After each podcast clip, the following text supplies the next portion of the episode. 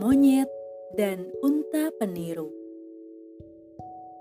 Suatu hari, ada suatu perayaan di hutan. Perayaan itu untuk merayakan terpilihnya singa sebagai raja hutan. Monyet yang pandai menari disuruh maju oleh singa.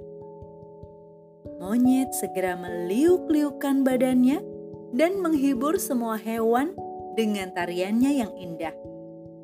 Semua orang memujinya. Unta merasa iri dan merasa bisa menirukan tarian monyet.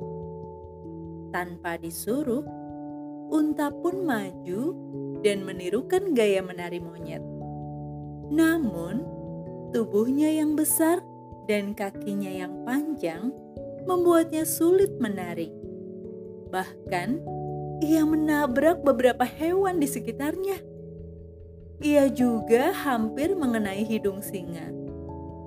Semua hewan yang ada di sana merasa jengkel pada unta.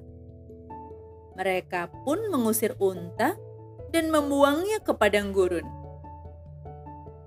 Pesan moral dongeng ini adalah: iri hati akan membuatmu kehilangan sahabat.